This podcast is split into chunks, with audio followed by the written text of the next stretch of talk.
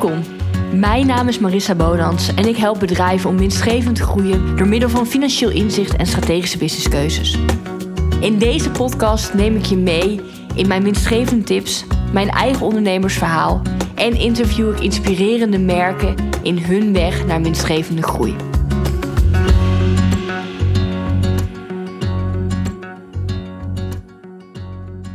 In deze podcast is Lorraine van Niekerk, eigenaresse van het bedrijf Cookiedoos, te gast. Ze neemt ons mee in haar ondernemersverhaal. Hoe ze razendsnel van ondernemen naast een fulltime baan naar een goedlopende en groeiende webshop met personeel is gegaan. Welkom bij weer een nieuwe podcast. Ik heb weer een nieuwe podcast uh, gast. En vandaag is het Lorraine, eigenaresse van Cookiedoos. Ik zit nu even heel hard op na te denken wanneer het uh, de eerste keer was dat ik je, je sprak. Maar ik denk ongeveer twee jaar geleden. En in januari 2020 besloot je vol voor um, het ondernemerschap te gaan. En van je passie, bakken, cadeaus, uh, echt je baan te maken. En de webshop in de wereld te slingeren. De webshop www.cookiedoos.nl. En als we even fast forward gaan van januari, februari 2020 naar nu, en we nemen dit op in juli uh, 2022, heb je eigenlijk een compleet ander bedrijf. Een uh, bizarre groei. En dat is waar we het vandaag over gaan hebben.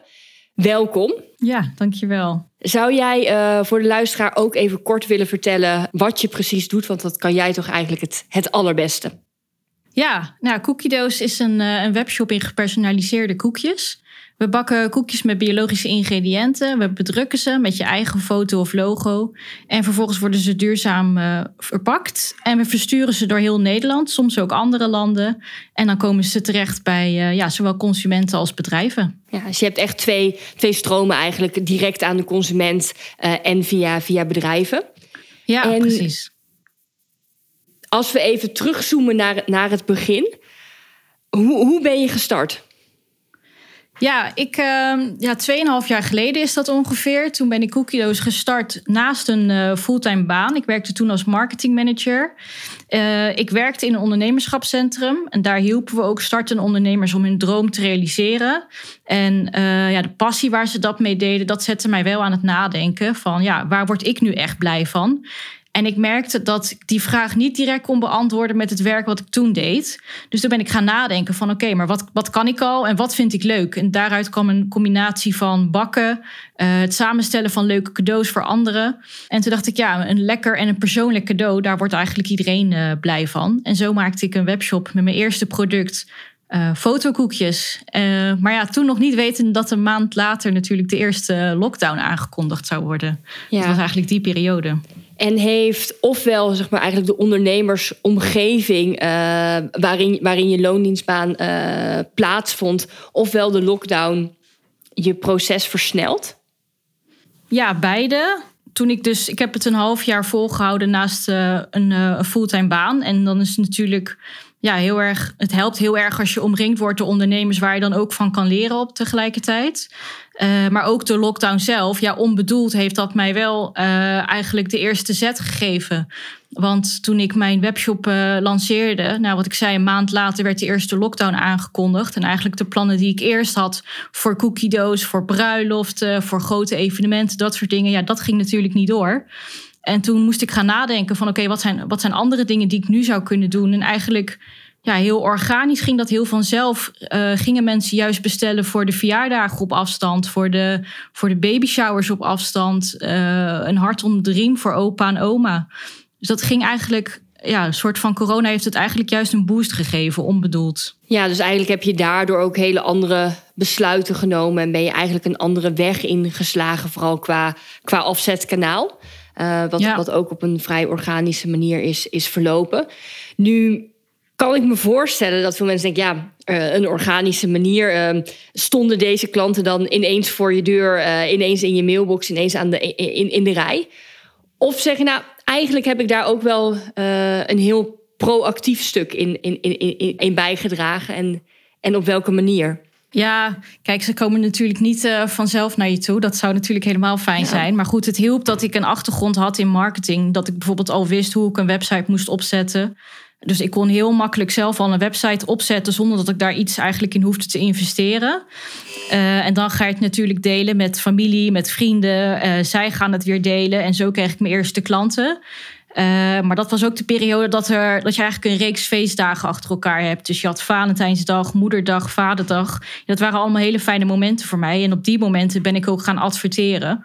Dus toen is het eigenlijk ja, nog sneller gegaan.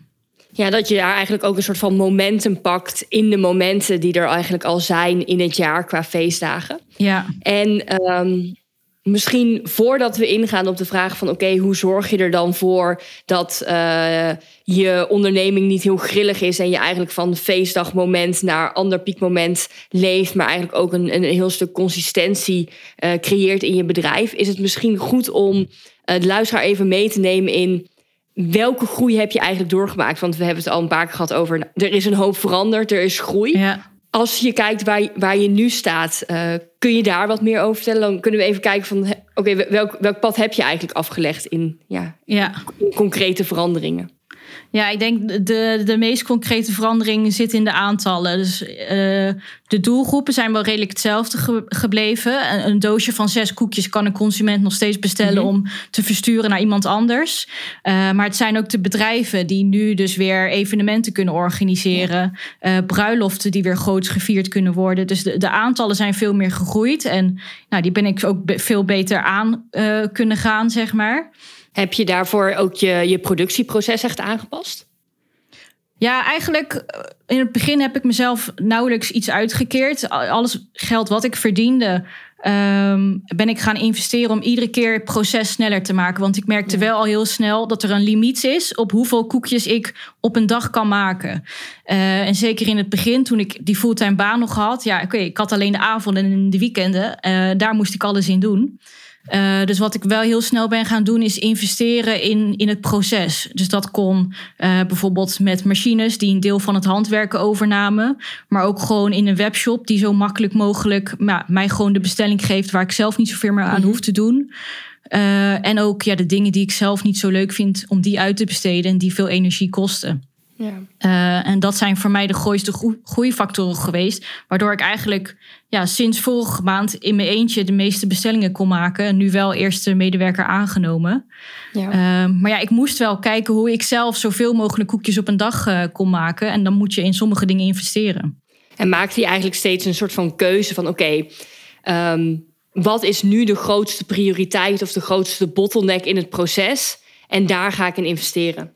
Ja, dus eigenlijk, ja. elke keer kijken van in welk proces gaat nu de meeste tijd zitten en hoe kan ik dat sneller maken. Ja.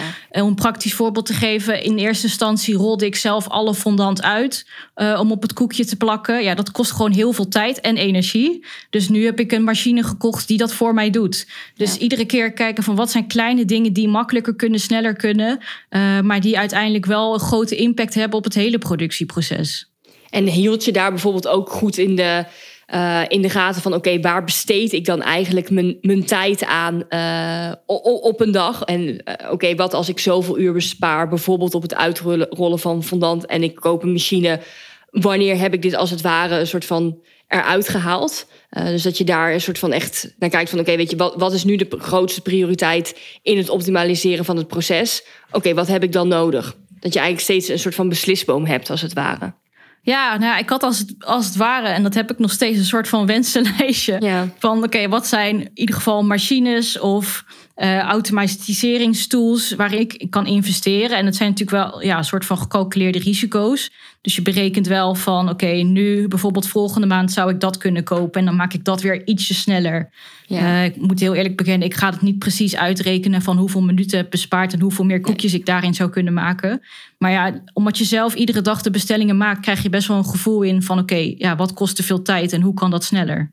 Ja, en dan en als, als we kijken, wat staat er nu op je wenslijstje, op je grootste, op, op, op nummer één? Uh, een machine die de koekjes inpakt. Dat is nog wel een groot, uh, een groot iets. Maar dan heb je het ook wel gelijk over een hele grote investering. Dat zou wel mijn grootste investering tot nu toe zijn. Ja. En als je zou moeten kiezen tussen meer investeren in machines en automatiseringen of in ehm, mankracht, in personeel? Waar, waar, waar zou je voor kunnen uitgaan? Ja, dan toch wel personeel. Want ik wil wel dat mijn koekjes nog steeds uh, handwerk blijven. En dat de mensen die de koekjes maken dat ook met passie doen. Uh, net zoals ik dat zelf doe. En ik heb bijvoorbeeld ook uh, altijd gezegd van als iemand 20.000 koekjes bestelt of zes koekjes, het, moet, het koekje moet net zo goed zijn en met net zo ja, passie of iets worden gemaakt. Dus mijn doel is niet dat het een fabriekskoekje wordt. Nee, het, het blijft het, het, het persoonlijke houden en zeg maar de kwaliteit van je, van je product. Ja, precies. En ik kan me wel voorstellen dat um, een zakelijke order voor een relatiegeschenk van duizend koekjes of uh, zes koekjes voor de, voor de consument. Eigenlijk qua verzenden, qua versturen, qua um, uh, bestelling opnemen, qua personaliseren, qua alles. Duizend, een, een bestelling van duizend een heel ander, um, ja, voor je bedrijf ja, misschien een stuk lucratiever is. Heb je wel eens ja. over nagedacht om te kijken van oké, okay, wil ik daarin een keuze maken? Of zie je dit juist ook als, als de kracht van je bedrijf? Ja, dat, dat is eigenlijk precies iets waar ik wel eerder dit jaar tegenaan liep. Van Oké, moet ik dan misschien de consumentenkant laten, uh, laten gaan? Zal ik me alleen op de bedrijven richten? Inderdaad, de grote aantallen. Dat klinkt natuurlijk heel aanlokkelijk. Mm -hmm. Maar wat ik ook merk is dat die grote bestellingen uit bedrijven vaak ook komen van mensen die een keertje een doosje van zes koekjes hebben besteld. Dat ze dat eigenlijk zo'n leuke ervaring vonden en zo leuk vonden om te geven of te krijgen. Dat ze bijvoorbeeld op, op het werk tijdens de vergadering hebben laten zien of gepitcht. En dat daar dan weer een bestelling uitkomt. Dus beide kanten versterken ook elkaar. Dus, maar, dus daarom dat ik dan toch op die beide niches ben blijven zitten. Ja, mooi is dat het eigenlijk ook een soort van de consumentenmarkt, een soort van middel is uh, voor ja. de zakelijke markt. Uh, ja, dat het precies daar dat. juist zeg maar, in, in doorloopt. Het is ook interessant om bijvoorbeeld dan te zien van oké, okay, van, die, van die consumentenklanten. Welk percentage gaat een keer uh, een, een, een zakelijke aankoop doen in een veel grotere hoeveelheid? Ja. Of welke klanten zijn dat? Ja, precies. Ja. Ja, en ook misschien het juist daar proactief op sturen van oké, okay, bij, die, bij die consumentenklanten in eigenlijk de periode misschien net juist voor uh, relatiegeschenken, uh, ze attent maken op de mogelijkheid dat het er is. Zodat het zich juist weer extra triggert eigenlijk. Ja, en dat kan bijvoorbeeld al heel eenvoudig door een flyer toe te voegen ja. aan, uh, aan een bestelling. Dat we ook zakelijke opties hebben. Ja, dat mensen zeggen, oh ja, oh, dat is wel goed. Ook ben net, net bezig zakelijk om uh, dit en dit te regelen. Ja. Dat je dan weer, ja, mooi, mooi is dat. En, en eigenlijk was dit een zijsprongetje van, vanuit de vraag van... oké, de events zijn een hele belangrijke voor, voor je business. De Vaderdag, de Moederdag, de Valentijnsdag, de, nou ja, noem het op. Hoe zorg je ervoor dat um, je niet van piek naar piek uh, loopt... Uh, maar ook wat consistentie krijgt in je bedrijf? Ja, dat is wel een hele goeie. Want inderdaad, in het begin merkte ik wel dat ik te veel elke keer naar de feestdagen aan het leven was. Uh, en dan, ja, je hebt een periode in het jaar, wat ik net zei, dat je al die feestdagen achter elkaar hebt. Dan heb je een heel stuk zomer waar het eigenlijk stilvalt. En dan leef je eigenlijk weer richting december met de kerst en Sinterklaas toe. Uh, dat is wel wat ik in het begin heb gedaan, omdat het voor mij hele goede haakjes waren eigenlijk om klanten te vinden. Dus om ze mm -hmm. te laten zien van, hé, hey, je zou het op deze feestdagen cadeau kunnen geven. Uh, maar bijvoorbeeld op social media laten we wel zien dat er ook heel veel andere opties zijn. Bijvoorbeeld met het, met het uh, Nederlands elftal laat je zien bijvoorbeeld dat je ook uh, voetbalkoekjes zou kunnen maken of tractatiekoekjes. Dus we, we proberen gewoon iedere keer heel veel voorbeelden te laten zien van hoe het anders zou kunnen.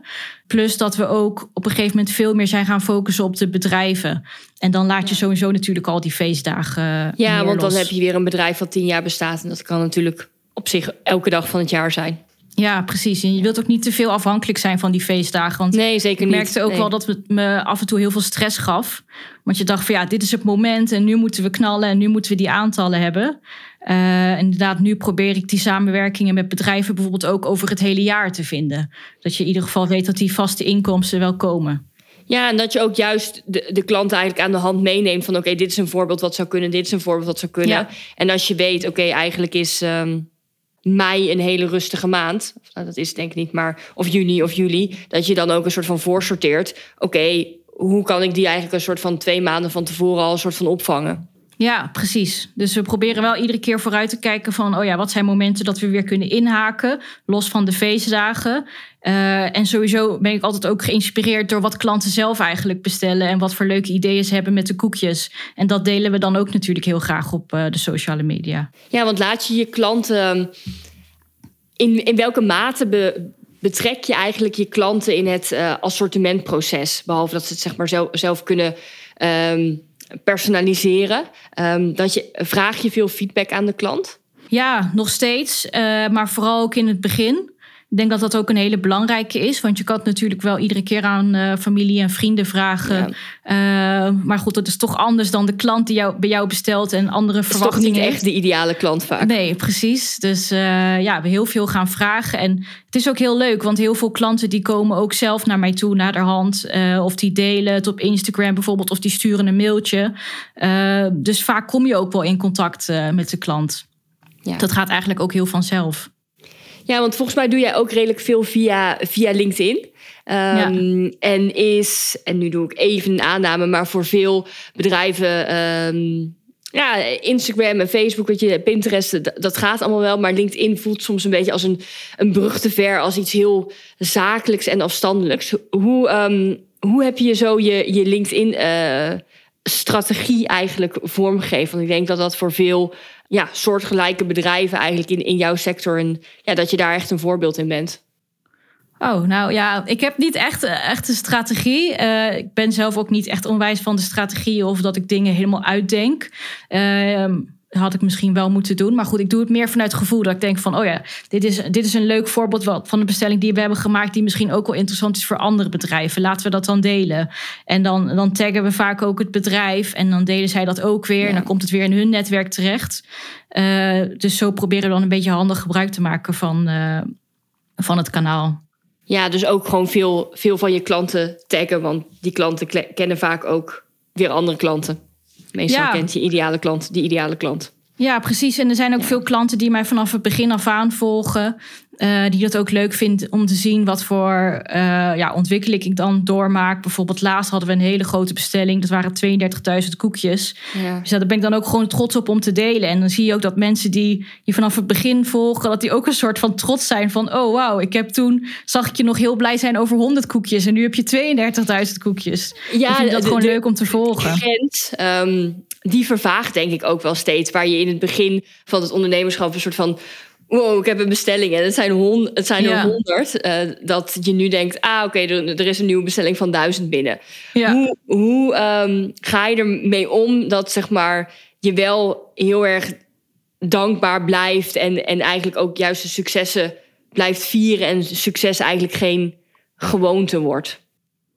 Ja, daar moet ik af en toe wel ook aan herinnerd worden hoor. Dat uh, bijvoorbeeld mijn vriend of familie zegt van oh wauw, weet je, dat is best wel een stap. Bijvoorbeeld nu met een medewerker aannemen. Uh, voor mij voelt dat als een hele logische stap, maar voor andere mensen is dat best wel een groot iets. Van oh, spannend en hoe ga je dat dan doen? Dus ja, hoe, hoe sta ik daarbij stil? Ja, dat is lastig. Ja, door het gewoon ook te delen, dat vind ik leuk ja. om te doen, om met anderen te delen en dat je daar dan weer reacties op krijgt. Ja, en vooral ik denk als anderen reageren van oké, okay, het, is, het is echt bijzonder. En hier mag je echt trots op zijn dat je dan weer een realisatie hebt van oh ja, dat mag ook echt. Ja. En het is ook echt goed. Dus dat dat eigenlijk ook aan beide kanten werkt. Deels als marketingkanaal en deels ook als, als realisatie voor jezelf eigenlijk. Ja, en het is ook niet zo dat ik niet blij ben met, met die stappen die ik dan heb gezet. Maar het is vaak dat ik dan alweer bij mezelf denk van... oh, wat zou de volgende stap kunnen zijn? Of ja, oké, wat kan ja. ik doen om de volgende keer die grote aantallen nog een keer te overtreffen? Ja, en dat is denk ik ook wel ondernemers uh, eigen. Om steeds, om steeds weer vooruit te kijken. Ja, en dat is ook een beetje plezier wat je er dan in hebt. Ja, dat is ook een beetje de, de adrenaline eigenlijk bij. Ja.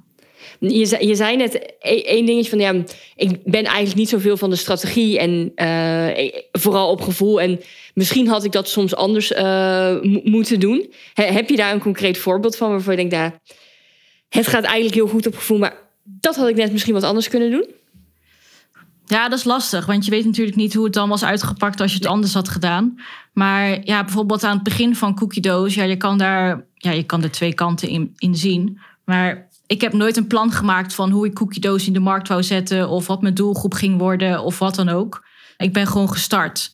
En misschien als ik het heel duidelijk op papier had gezet, dat ik dan een duidelijke richting had gemaakt. Dat ik een duidelijk doel had gesteld. Bijvoorbeeld, als ik deze omzet haal, dan ga ik stoppen met het werk wat ik toen deed en fulltime voor cookie doos gaan. Nu merkte ik dat ik best wel lang in een periode zat van, oeh, is het al het moment? Kan ik al gaan stoppen? Ja. En misschien als je dan een duidelijk doel had gezet, dat je dan had gezegd van, oké, ik ben hier nu, nu is het zover. Ja, dat je iets eerder eigenlijk eh, een besluit had kunnen nemen. Of iets met iets meer rust of meer vertrouwen van... oké, weet je, ik draai nu dit. Ik heb berekend dat het dan kan. Oké, dan hak ik ook de knoop door, want ik weet dat het dan kan. Ja, vaak als je het dan kan onderbouwen, eh, ook financieel uitrekent, dan geeft dat ook meer rust en dan neem je die twijfels weg om, eh, om er wel voor te gaan. Ja, want juist die twijfels en, en, en, en die chaos... of ja, chaos is misschien niet het goede woord... maar de onzekerheid van... hey, kan ik het wel doen, kan ik het niet doen... ge- geeft ook juist veel ruis en veel, eh, ja, veel onzekerheid eigenlijk. Ja, precies. Ja. Als je, als je kijkt naar ehm, eh, de, de begin, van de beginperiode naar nu. Als je voor ehm, nou ja, starters eigenlijk, of degene die nog wat meer in de beginperiode zitten, ehm, ze een tip zou willen geven. ehm, wat zou het zijn? Ja, voor mij was het gewoon niet te lang nadenken en, eh, en het gewoon doen. Dat eigenlijk. Maar ook als je er dan voor gaat, neem het ook eh, heel serieus direct. Eh, dat heb ik wel gedaan. Ik heb Cookie Doos nooit als een leuk, leuk bijverdienste gezien of een uit de hand gelopen hobby of iets. Nee. Ik wist gewoon dat, de, po- dat het potentie had en dat ik er alles voor wilde geven om het tot een succes te maken. Ehm, maar goed, sta er dan wel bij stil dat, dat je eigen bedrijf ja, 24-7 doorgaat. Eh, en Ja. dat een, een weekend of een avondje vrij niet altijd kan, bijvoorbeeld. Dat je dus heel erg bewust tij- eh, keuzes moet gaan maken aan waar je je tijd aan eh, besteedt. Ja. Eh, maar goed, ik merkte ook dat als, als je dus echt doet waar je, waar, je, waar je passie ligt en waar je echt blij van wordt, dat je ook die energie kan, kan vinden op een of andere manier om Ja, elke keer maar door te gaan. al- Altijd maar door kan gaan. Maar ik denk dat het wel een hele mooie is dat je een soort van besluit moet nemen van ja, oké, maar dit, dit is mijn fulltime inkomen. Dit is mijn baan. Dit is eh, mijn bedrijf. En hier, hier ga ik voor. En dat er best een grote groep ondernemers is die een soort van. Ja, eigenlijk ook een soort van op, een, op, op een fluwelen kussen zit. Van, oh ja, weet je, ik heb ook nog wel een baan ernaast. En nou ja, we kijken wel even. En anders kan het wel over een maand of over een maand of over nog een half jaar. Maar ook een soort van het besluit nemen van, oké, ik ga hier volledig voor. Dat dat juist ook helpt in de groei. Ja, neem het gewoon Ja. heel serieus. En dan, dan, want anders kunnen mensen, andere mensen jou ook niet serieus nemen. En je zal best wel eens van mensen horen in je omgeving. En zeker omdat het bij mij dan om koekjes ging. Van, oh ja, maar je bent toch gewoon lekker aan het bakken. En je gaat er toch nog wel iets anders naast doen of iets. En dan Ja, zei ik ook gewoon, van, oh, nee, dit, is dit toch is gewoon mijn doel. Ja. Ja, ik ga hier gewoon voor. Heb je daar veel.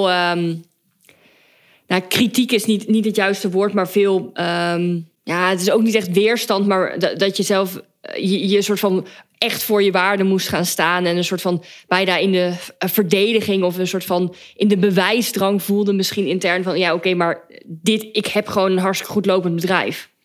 Ja, in het begin wel. Eh, want als jij dan zegt van ja, ik ga eh, koekjes eh, fulltime bakken, ja, dan denken mensen daar wel twee keer over na. En dan is het van, oh ja, maar is dat niet een groot risico? Weet je, ik kom ook niet uit een ondernemersfamilie. Ik had niet veel ondernemers om me heen in het begin. Dus mensen vinden dat toch een beetje spannend. En denk ik toch ook wel bescherming voor mij of zoiets.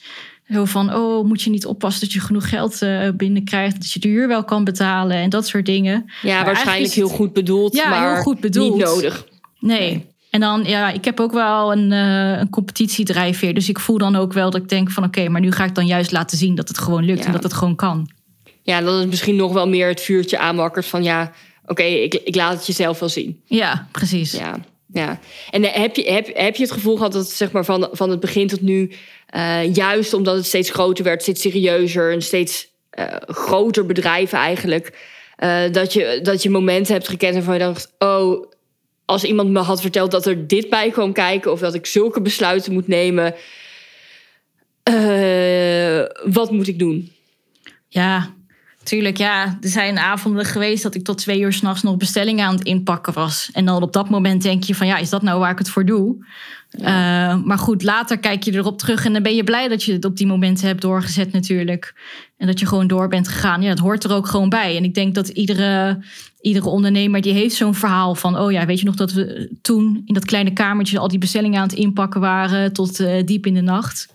Ja, en dan later. Want, want als je zou zeggen, oké, um, over vijf jaar, over tien jaar, waar, waar, waar sta je?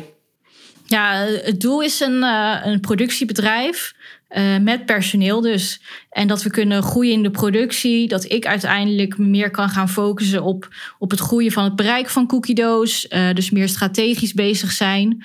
Uh, ook vanuit de marketingachtergrond die ik heb, want dat vond ik wel heel erg leuk. Mm -hmm. En dat we uiteindelijk meer mensen kunnen verrassen met een, uh, met een gepersonaliseerd koekje.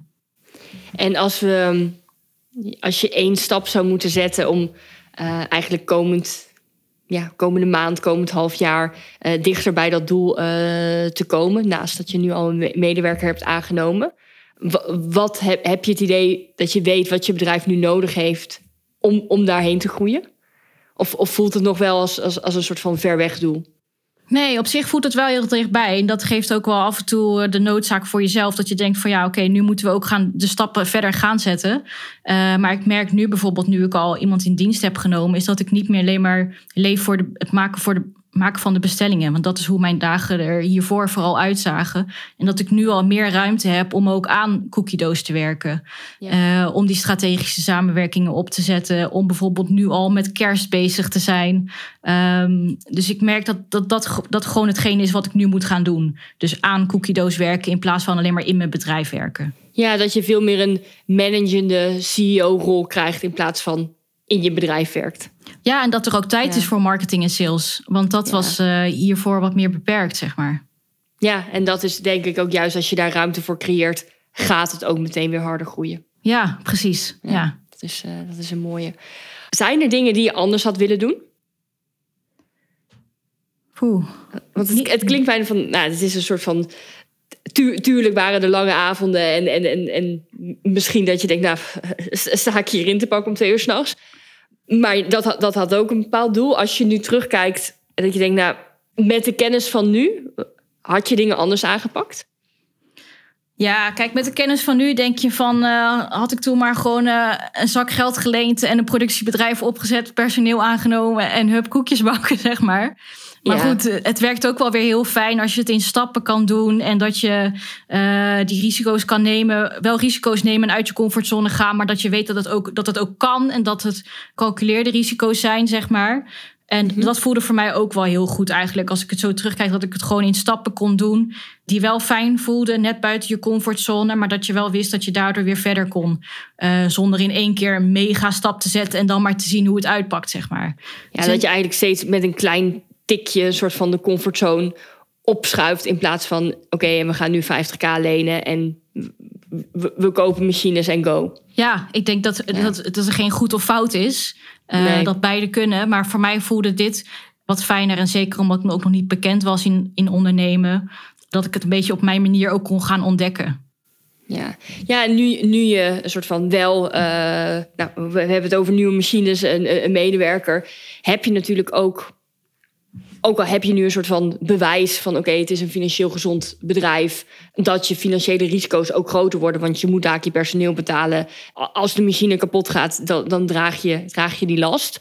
Als we kijken vanuit het, uit het financiële oogpunt, hoe, hoe hou je financieel overzicht als het gaat om, om, om grotere bedragen? Wat ik al heel snel heb gedaan, is gewoon precies uitrekenen wat je, wat je kostprijs is wat, je, wat, je, wat verder je kosten zijn, ook je privékosten. En dat je weet van oké, okay, ik heb zoveel nodig, dan draai ik break-even. Uh, ja. Dan kan ik alles betalen. En alles daarbovenop, dat kan ik gebruiken om te investeren in cookie doos. Dus dat hou ik allemaal heel goed bij. Dat vind ik ook heel erg leuk en interessant om te doen. Ja, de aangiftes en al dat soort dingen, dat heb ik dan uitbesteed. Dat mag iemand anders doen. Ja, maar dat je wel gewoon weet van oké, okay, ik moet deze aantallen per, per week, per maand draaien. En dan draai ik of deze winst of in ieder geval kiet. En dat, ja. is, dat is break-even. Ja, precies. Dat ik ook gewoon overzicht hou op, op wat ik dan uitgeef eh, en wat die facturen zijn. Ja. Ja, en ik denk dat dat, dat een hele belangrijke is. Ik zag, las gisteren nog ergens van... in het begin zit je een soort van op elke, elke stuiver. En op een gegeven moment gaat het over grote bedragen... komt er ook steeds meer binnen. Dus dat je dan ook een soort van... nou ja, weet je, het gaat heel erg goed. Maar dat, dat juist ook het moment is om wel misschien weer eens een keer de kostprijs opnieuw te berekenen. Ja, Als ook bijvoorbeeld je materialen anders eh, worden.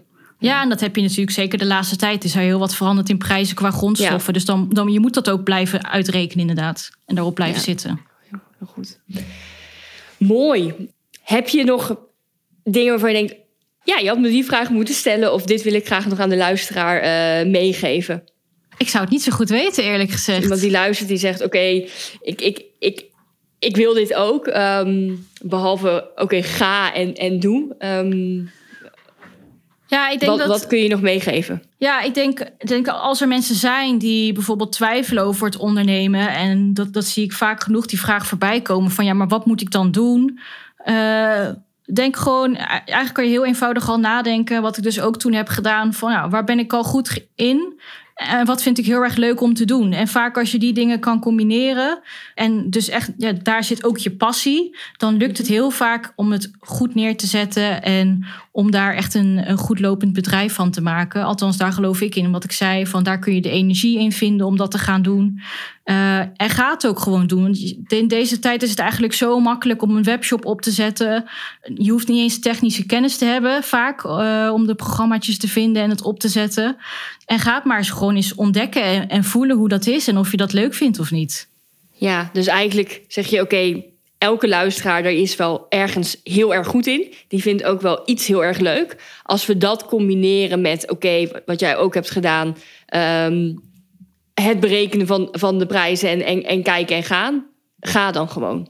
Ja, je, je, tegenwoordig je kan alle informatie online vinden. Ja. Zo heb ik dat ook gedaan. Tijdens het bakken was ik podcasts aan het luisteren over ondernemen. eh, video's aan het bekijken. Hoe kan ik mijn webshop beter maken? Je, je kan je overal in verdiepen en alles jezelf aanleren. En natuurlijk heeft het geholpen dat ik al een marketingachtergrond heeft, heb. Maar zo heeft iedereen wel een achtergrond in iets waar die dan al een voorsprong in heeft. En gebruik dat dan ook gewoon.